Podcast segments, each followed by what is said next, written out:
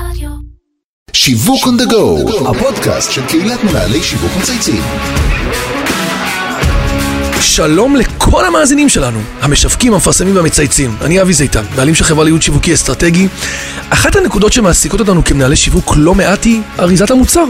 הרי אנחנו משקיעים לא מעט באריזות אטרקטיביות, מבודלות, מעצבים אותם, שימשכו את העין, יגדילו את המכירות. אז בטח יעניין אתכם קצת לשמוע מאחורי הקלעים על האריזות האלה, מה קורה להם אחרי שהלקוח סיים להשתמש בהם, נכון? אז אני אענה לתשובה כן. היום אני ממש שמח לארח מישהי שמבינה בזה בטירוף. שלום, שרוני דוידוב, סמנכ"לית השיווק וההסברה של תאגיד המחזור תמיר, מה שלומך? טוב, סבבה, שמחה להיות כאן, אבי. גם אני. את הולכת לספר לנו היום על מהפכת המחזור, על מגמות בעולם איכות הסביבה. בקיצור, אנחנו קצת נחכים את המאזינים שפחות מכירים את עולם התוכן שלך. אה, מדי שבוע אנחנו מארחים כאן אנשי שיווק לשיחה שמשלבת בין אישי למקצועי, מדברים על שיווק, על חדשנות, השראה. הפודקאסט בשיתוף אדיו, רשת הפרסום ברדיו דיגיטלי, הוא מוקלט באולפני ביזי של איתי סוויסה. לפני שנתחיל לדבר על הפעילות השיווקית של תמיר, אני רוצה ברשות- ברשותך למחזר שאלה שאני מפנה לכל אורח כאן, ושואל אותו קצת על הדרך האישית שהוא עשה. קצת על הדרך, על המסע, על התפקידים, מה שנקרא, אה, מה את עושה בשנים האחרונות עד שהגעת לתמיר, ומה הביא אותנו עד הלום. אוקיי, אה, מבחינת הניסיון שלי אה, בעולמות השיווק, אני יכולה להגיד שיצא לי לבקר לתקופות בכל מיני מגזרים.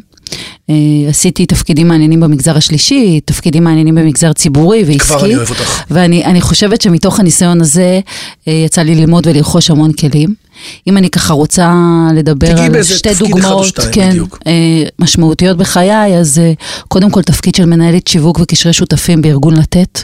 הייתי שם. לא מעט שנים. ומעבר שליחות לזה... אמיתית, אה? לגמרי, מעבר לזה שהיה לי מורה דרך מדהים, ערן ויינטרוב המנכ"ל, הוא עדיין המנכ"ל של אה, ארגון לתת, לתת.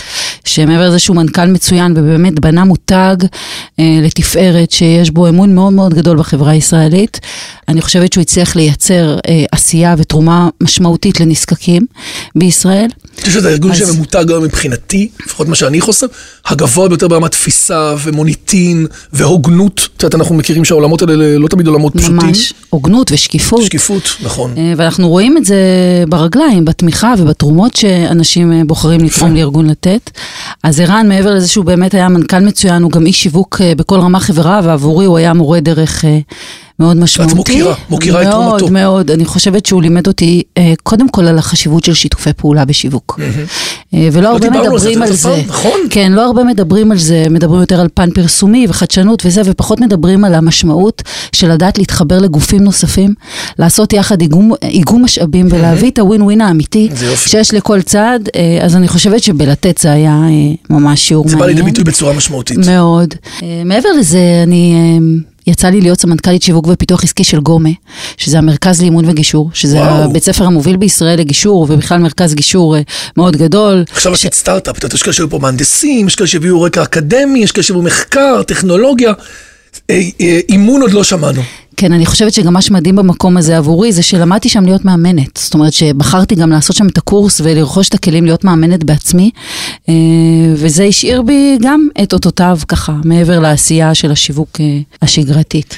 חייב להגיד לך שפרופיל מאוד מעניין. מגוון, שונה, אימון, עם עסקים, עם ניהול, עם אה, מגזר שלישי. זה מכין אותך מאוד כנראה לתפקיד שהגעת אליו לא סתם. אז בואי נדבר על השנים האחרונות. אני לא בטוח שכולם, כל מי שמאזין לנו מבין את המהפכה המטורפת שעשיתם בתחום המחזור. חוץ מזה שיש לנו פח כתום ברחוב, נכון? ושמחפשים בתוכו את דדי החתול, אני אשמח אם קצת תפתחי לנו צוהר, קצת חלון אל מאחורי הקלעים של עולם מרתק. ותספרי לנו על תאגיד המחזור, המטרות שלו, איך הוא פועל היום, מה התפקידים שלו. הוא צץ בחיינו בסך הכל לפני כמה שנים, ולדעתי היום כבר רמת המודעות מאוד גבוהה, והגעתם כמעט לכל בית בישראל. ברור שהדרך עוד ארוכה, אבל עדיין, לדעתי, אה, עבודה שיווקית מעניינת. ספרי לנו טיפה קצת על, ה, על פועלך בארגון.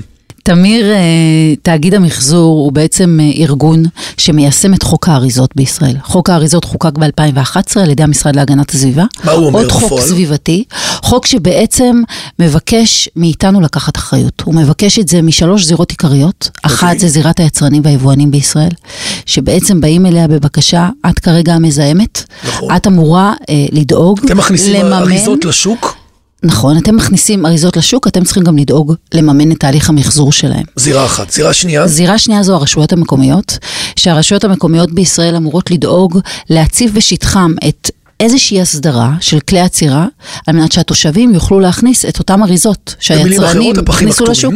הפחים הכתומים, הפחים הסגולים, הפחים הכחולים, נכון. המחזורית, בעצם כל כלי עצירה שמאפשר לנו להפריד בבית, אה, והוא נגיש לנו ואנחנו יכולים למחזר בעזרתו.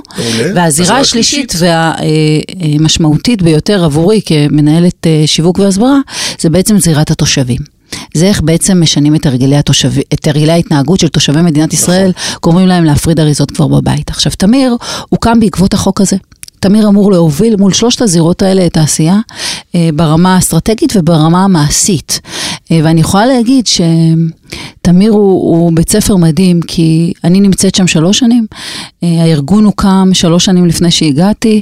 תקופה ו- מעניינת, זאת אומרת שלוש שנים הוא היה קיים, כן. אז את הגעת בעצם לתוך מה שנקרא סייקל בי כזה, לדור הבא של החברה, ועדיין יש עוד המון המון עשייה, נכון? עדיין אנחנו בשלב של הקמה ואנחנו אה, גדלים, אנחנו היום, אה, יש פח כתום ליד שלושה מיליון תושבים, ליד הבית שלהם, אנחנו מאמינים שבחמש שנים הקרובות יהיו ל-85% מתושבי מדינת ישראל פח כתום, זאת אומרת שנקפוץ מ-950 אלף משקי בית פרוסים למיליון ו-800 אלף משקי בית פרוסים בחמש שנים הקרובות. ככל שאת מדברת, דרך אגב, אני רק מבין כמה אתגרים גדלים וכמה נדרש פה מנהיגות שקושרת את כל הקצוות ביחד, נכון? זה השפעה על רשויות מקומיות, על לקוחות סופיים, על ארגונים, על יצרנים. כן, ופה אני ממש רוצה לפרגן אה, לקובי דר, שמוביל את הארגון הזה בצורה מדהימה, הוא הביא סטנדרטים בינלאומיים בעצם אלינו, לחברה. הוא הביא סטנדרטים ש... למידה בינלאומית מארגונים מקבילים דומים כן, שעשו את זה כבר שמקיימים. את החוק הזה כבר כן. עשרות שנים אה, ומיישמים אותו שם.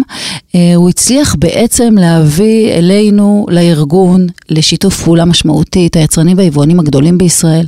בנוסף לזה, אנחנו חתומים עד כה עם 90% מהרשויות המקומיות בישראל, 241 רשויות מתוך 257. זה נשמע לאנשים טריוויאלית, כאילו, זו עבודה מטורפת. עבודה מטורפת, כל רשות מקומית היא בירוקרטית, להביא אותם למקום של, של חתימה, של לקיחת אחריות, של שינוי פלטפורמות והרגלים, של נדל"ן. ופינוי הפסולת. נדל"ן ולפנות ולשים בכל... כן, ואני חושבת שנעשתה פה עבודה מדהימה אה, בהנהגה שלו, וכן, הוא גם מאוד, אה, מאוד חשוב לו איך אנחנו מדברים עם התושב.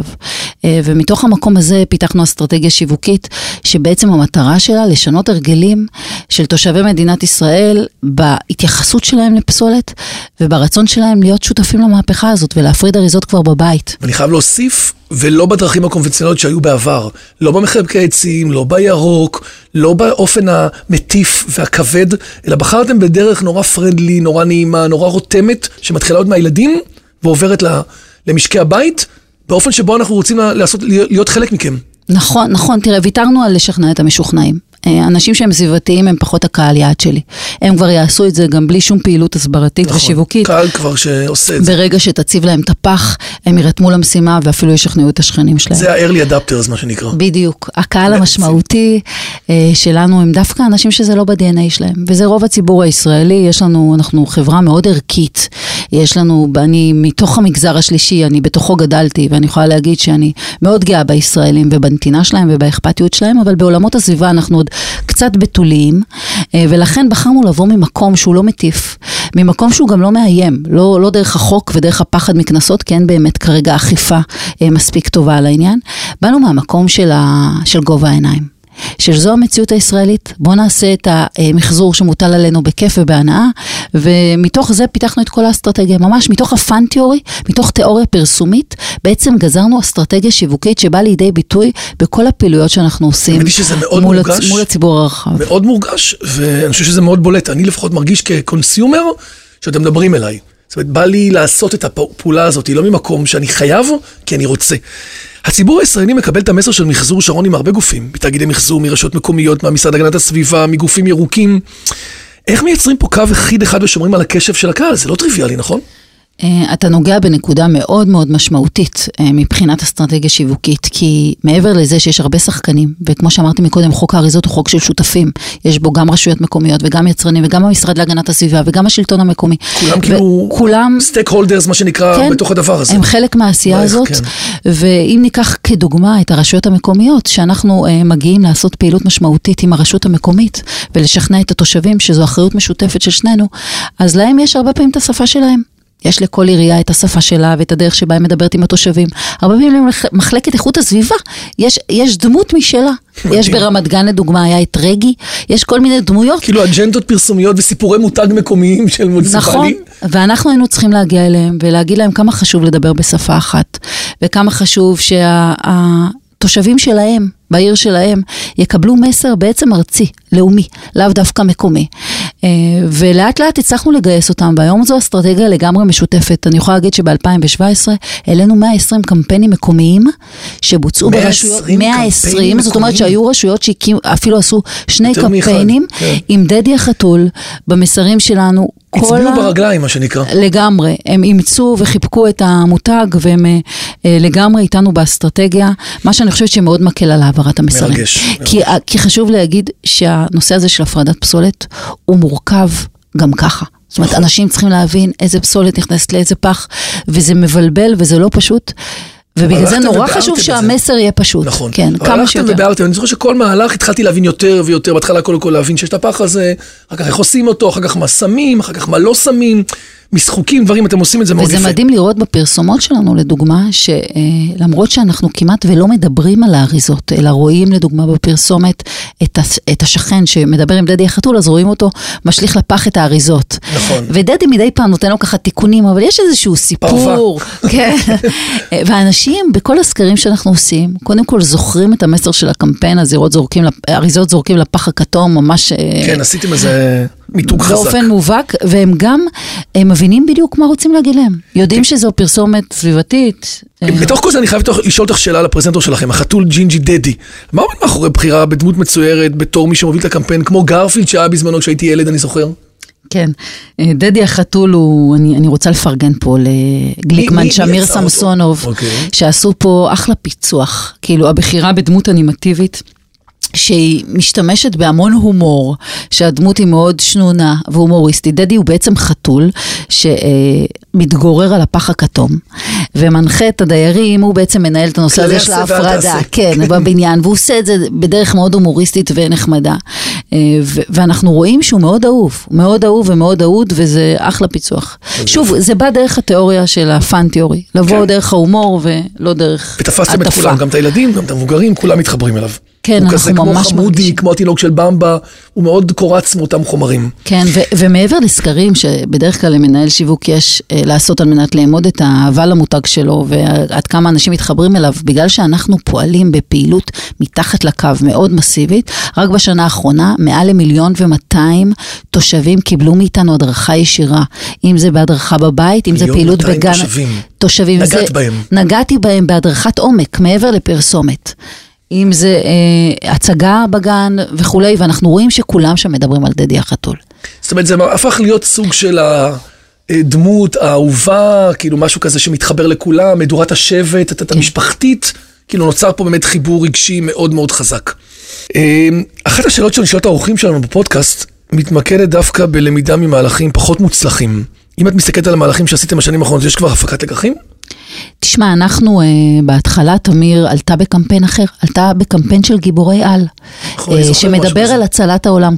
קמפיין מאוד יפה, הסרט היה מהמם, אבל הוא, הוא הקדים את זמנו, הוא מתאים יותר אה, לחברות שאולי נמצאות בעולם המחזור כבר המון המון שנים, והייתה פה בחירה ולמידה תוך כדי תנועה, אה, אחרי פחות משנה, אה, ש. שהיה את האסטרטגיה הזאת, היא שונתה לפאן תיאורי, שבה בחרנו את דדי, משהו שהוא יותר קליל, שהוא פחות מטיף, שלא מזכיר בכלל את נושא איכות הסביבה ושמירה על הסביבה והצלת העולם, וזה היה שינוי ולמידה שעשינו תוך כדי. מעניין. כן. כשאת מסתכלת קדימה, מה, יש לה איזה מהלך שיווקי שאת צופה, שייצור איזושהי קפיצה משמעותית בתחום הפעלת אריזות, משהו לעתיד שאת יכולה לספר לנו, כשאת חושבת שאולי ישבור, יגרום לכמות משתמשים גדולה יותר, לפעמים יש המון מגמות בעולם שלנו שפתאום יוצאות שינוי, את רואה משהו כזה בעתיד הקרוב? כשאני אה, מסתכלת על מדינות אחרות שמקיימות את החוק הזה כבר המון שנים, ושם בעצם האוכלוסייה משתפת פעולה באופן כמעט מלא. בשונה מכאן, שאנחנו אירופה? בהתחלה, ואנחנו הברית? אירופה כדוגמה מצוינת. אוקיי, אירופה. אנחנו רואים שאם נצליח לנוע בעתיד למקום של תגמול, אה, שהוא מעבר למוטיבציה אה, שהיא וולונטרית הפנימית, כן. וסביבתית שלי, היום בשביל אה, להפריד אריזות אני צריך לבחור, אה, לשנות את ההתנהגות שלי ולהכניס הרגל חדש לחיים. אה, במדינות אירופה יודעים לתגמל הרבה פעמים אנשים שהם ממחזרים. אה, יש פרויקט שנקרא pay as you throw, שאתה משלם רק על מה שאתה מטמין. זאת אומרת שכל מה שגוף כמו תמיר במדינה אחרת יודע לאסוף לך מהבית, על זה אתה לא משלם. ולכן אתה בוחר להפריד את האריזות אצלך בבית כמה שיותר איזה טוב. יופי, שרוני. אז זה סוג של תגמול חיובי. זה מדהים. אה, יכול להיות בעתיד. אני חושב שזה מאוד מעניין, גם בהסתכלות באמת על מודל עסקי, כאילו על חיבור, על מערכת היחסים ביניכם לבין הציבור. יש פה פתאום משהו חדש שלא היה רגיל בתרבות הישראלית, מאוד מעניין כן, ללמוד. כיום, כיום התגמול אה, שיש מהחוק הזה הוא בעיקר מגיע לרשויות המקומיות. זאת אומרת שתמיר מממנת את, אה, את הפחים, את פינוי הפחים, היא בעצם חוסכת לרשויות את עלויות ההטמנה, כי היא מעבירה את הפסולת הזאת למחזור, והתושב לא מרגיש את זה. יכולים לגור בבניין עשר משפחות, מתוכן חמש מפרידות מצוין וחמש לא, ועדיין כולם ישלמו את אותה ארנונה. אה, ובמדינות... זאת אומרת, אנחנו בעצם מורידים את המקום הזה של הרווחה, מה שנקרא קלאסית, שאומרת כולם מקבלים שירות ללא הבדל דת גזע ומין, ואנחנו בעצם כולם שהם אותו דבר, ועושים דיפרנציאציה. תרמת יותר, תשלם פחות. בדיוק. שזה אמירה גם חברתית. אנחנו, יש לי עכשיו שאלה שאני רוצה למחזר. אני רוצה לשחק איתך משחק שאנחנו מנהלים עם כל אורח בתוכנית. אם את, שרוני, היית מותג מסחרי כלשהו, איזה מותג היית בוחרת להיות ולמה? מעניין אותי. אוקיי, זו שאלה מעניינת והתחבטתי בה, כי אה, הצפת בפניי את האתגר הזה לפני שנפגשנו. ואמרתי לך שזה חייב להיות מקורי, שלא יהיה פה משהו שכבר חזר. כן, כן. אה, ואני דווקא בחרתי להיות אה, מותג שהוא בעצם באמת אני. אני הקמתי איזשהו מיזם שנקרא יום חדש אה, לפני שלוש שנים, שכרגע הוקפא. אה, מה זה? הוקפא כי אני חושבת שהוא קצת הקדים את זמנו, אבל אני בהחלט חושבת שהוא העתיד. זה מיזם שבעצם אה, עוסק בניהול שלב הפרישה. אה, אנחנו יודעים שתוחלת החיים עולה, אה, ואנשים אה, עוזבים את העבודה שלהם פתאום עם לו"ז מאוד אינטנסיבי וימים מלאי פגישות לריק, ולא יודעים כל כך איך לנהל את השינוי הזה. אחד השינויים הדרמטיים שאף אחד בעצם לא נותן עליו את הדעת, ואני בניתי איזשהו מודל ש... מה זה חיבור לשוק התעסוקה, לתת להם כלים חדשים, לפתח להם עוד מיומנויות נוספות לעוד 20 שנה שמצפות להם, כי תוחלת החיים עלתה כזה? זה בעצם להיפגש עם בן אדם לפני שהוא אה, פורש לגמלאות ולגרום לו לשאול את כל השאלות החשובות. זה סוג של תהליך אימוני ששואל אותו קצת על הערכים שלו. איפה, אה, אם יש חלומות שהוא לא הגשים, לאפשר לו אולי את ההזדמנות. להגשים אותם עכשיו, אה, ואני חושבת שזה וואו. אה, מותג מעניין שהלוואי ופעם יצא לאור. אם מישהו פה שומע אותנו ומרגיש מאוד אה, קרוב לנושא, שאת מציינת שבעיניי הוא נושא מאוד ערכי ומאוד מיוחד, אז את קוראת לו, את אומרת, אולי אפשר עוד לעשות פה קאמבק. אני מאמינה שיהיה לזה קאמבק. עכשיו אתה הולך לשאול שאלות. בכל פגישה אנחנו מאפשרים למנהל שיווק אחד להפנות שאלה למרואיין הבא. אנחנו קוראים לזה חבילה הגיעה. את מוזמנת להפנות שאלה לאסף אביב, סמנכ"ל השיווק של בזק בינלאומי. אם תרצי שאלה מהחתול אל התוכי, זה יכול להיות מעניין. נכון. את טוב, רוצה לשאול היי? אסף, אמ, אני צפיתי בפרסומת האחרונה אה, שהם עשו, שהיא הייתה יותר אה, תדמיתית, שדווקא התוכי לא היה בה. היה נכון. שם אבא וילד, והם דיברו על, אה, הפרסומת עסקה בנושא של הגנה על הוואטסאפ של הילדים. פרסומת מאוד מרגשת, מאוד נחמדה. מהלך שדיברנו עליו הרבה מאוד מאוד יוצא דופן. כן, אה, יש להם מהלך שנקרא Cyber Kids, מהלך שהם עשו באמת עם האבא והוואטסאפים, ואיך פתאום בעולמות של, של הילדים שלנו מאוד לא מוגנים, איך דווקא פתאום חברה שהיא commodities, שיקול האינטרנט, נכון? היא לוקחת אחריות ומגלה פתאום משהו שנורא מעניין, נורא שומר על הילדים שלנו. גם, ונורא עניין אותי לדעת על הבחירה להוציא את התוכי. ואני אומרת את זה דווקא בתור מישהי שאנחנו ההורים של דדי. אז איך מחזיקה, מה, מה ההשפעה על המותג של פרסומת כזאת שהתוכי פתאום לא נמצא בה? האם הציבור מזהה את זה כפרסומת של. בזק בינלאומי? האם, מחר ציון ברוך פתאום יופיע לנו? בספה, את אומרת. כן, הוא יצא פתאום מתוך דדי. כן, או שאם הוא לא יופיע בכלל, ואני אעשה איזשהו תסריט עם שתי דמויות אחרות, מעניין על ההחלטה מהמקום השיווקי. אז אסף, אנחנו מפנים את השאלה אליך, אנחנו נענה לזה. אני רוצה להזכיר למאזינים שלא רק שרוני מפנה שאלות, כולכם יכולים לשלוח לנו שאלות בעמוד הפייסבוק. עד כאן שיווק on the go להיום. תודה רבה שרוני, היה מה זה מעניין? שונה מאוד מהפודקאסטים האחרונים שעשינו. אני רוצה להגיד לך תודה רבה תודה, על תודה האותנטיות, לך, על. הסיפור מאחורי הקלעים. אני חושב שאנחנו לא נוגעים הרבה פעמים בארגונים מהסוג הזה. אני רוצה להגיד תודה לכל מי שהשתתף והוביל את הפרויקט של הפודקאסט, ההסכת שלנו, לאמיר שניידר, לירון פורמן, לטל ספיבק, לדרור גנות מאדיו, איתי סוויסה מאולפני ביזי. מאחל לכולכם להיות באותה אנרגיה ששרון הביאה לפה היום עם פשן, התלהבות מהתפקיד שלה. שיהיה לנו שבוע של רעיונות נהדרים ושיווק אפקטיבי. תודה רבה.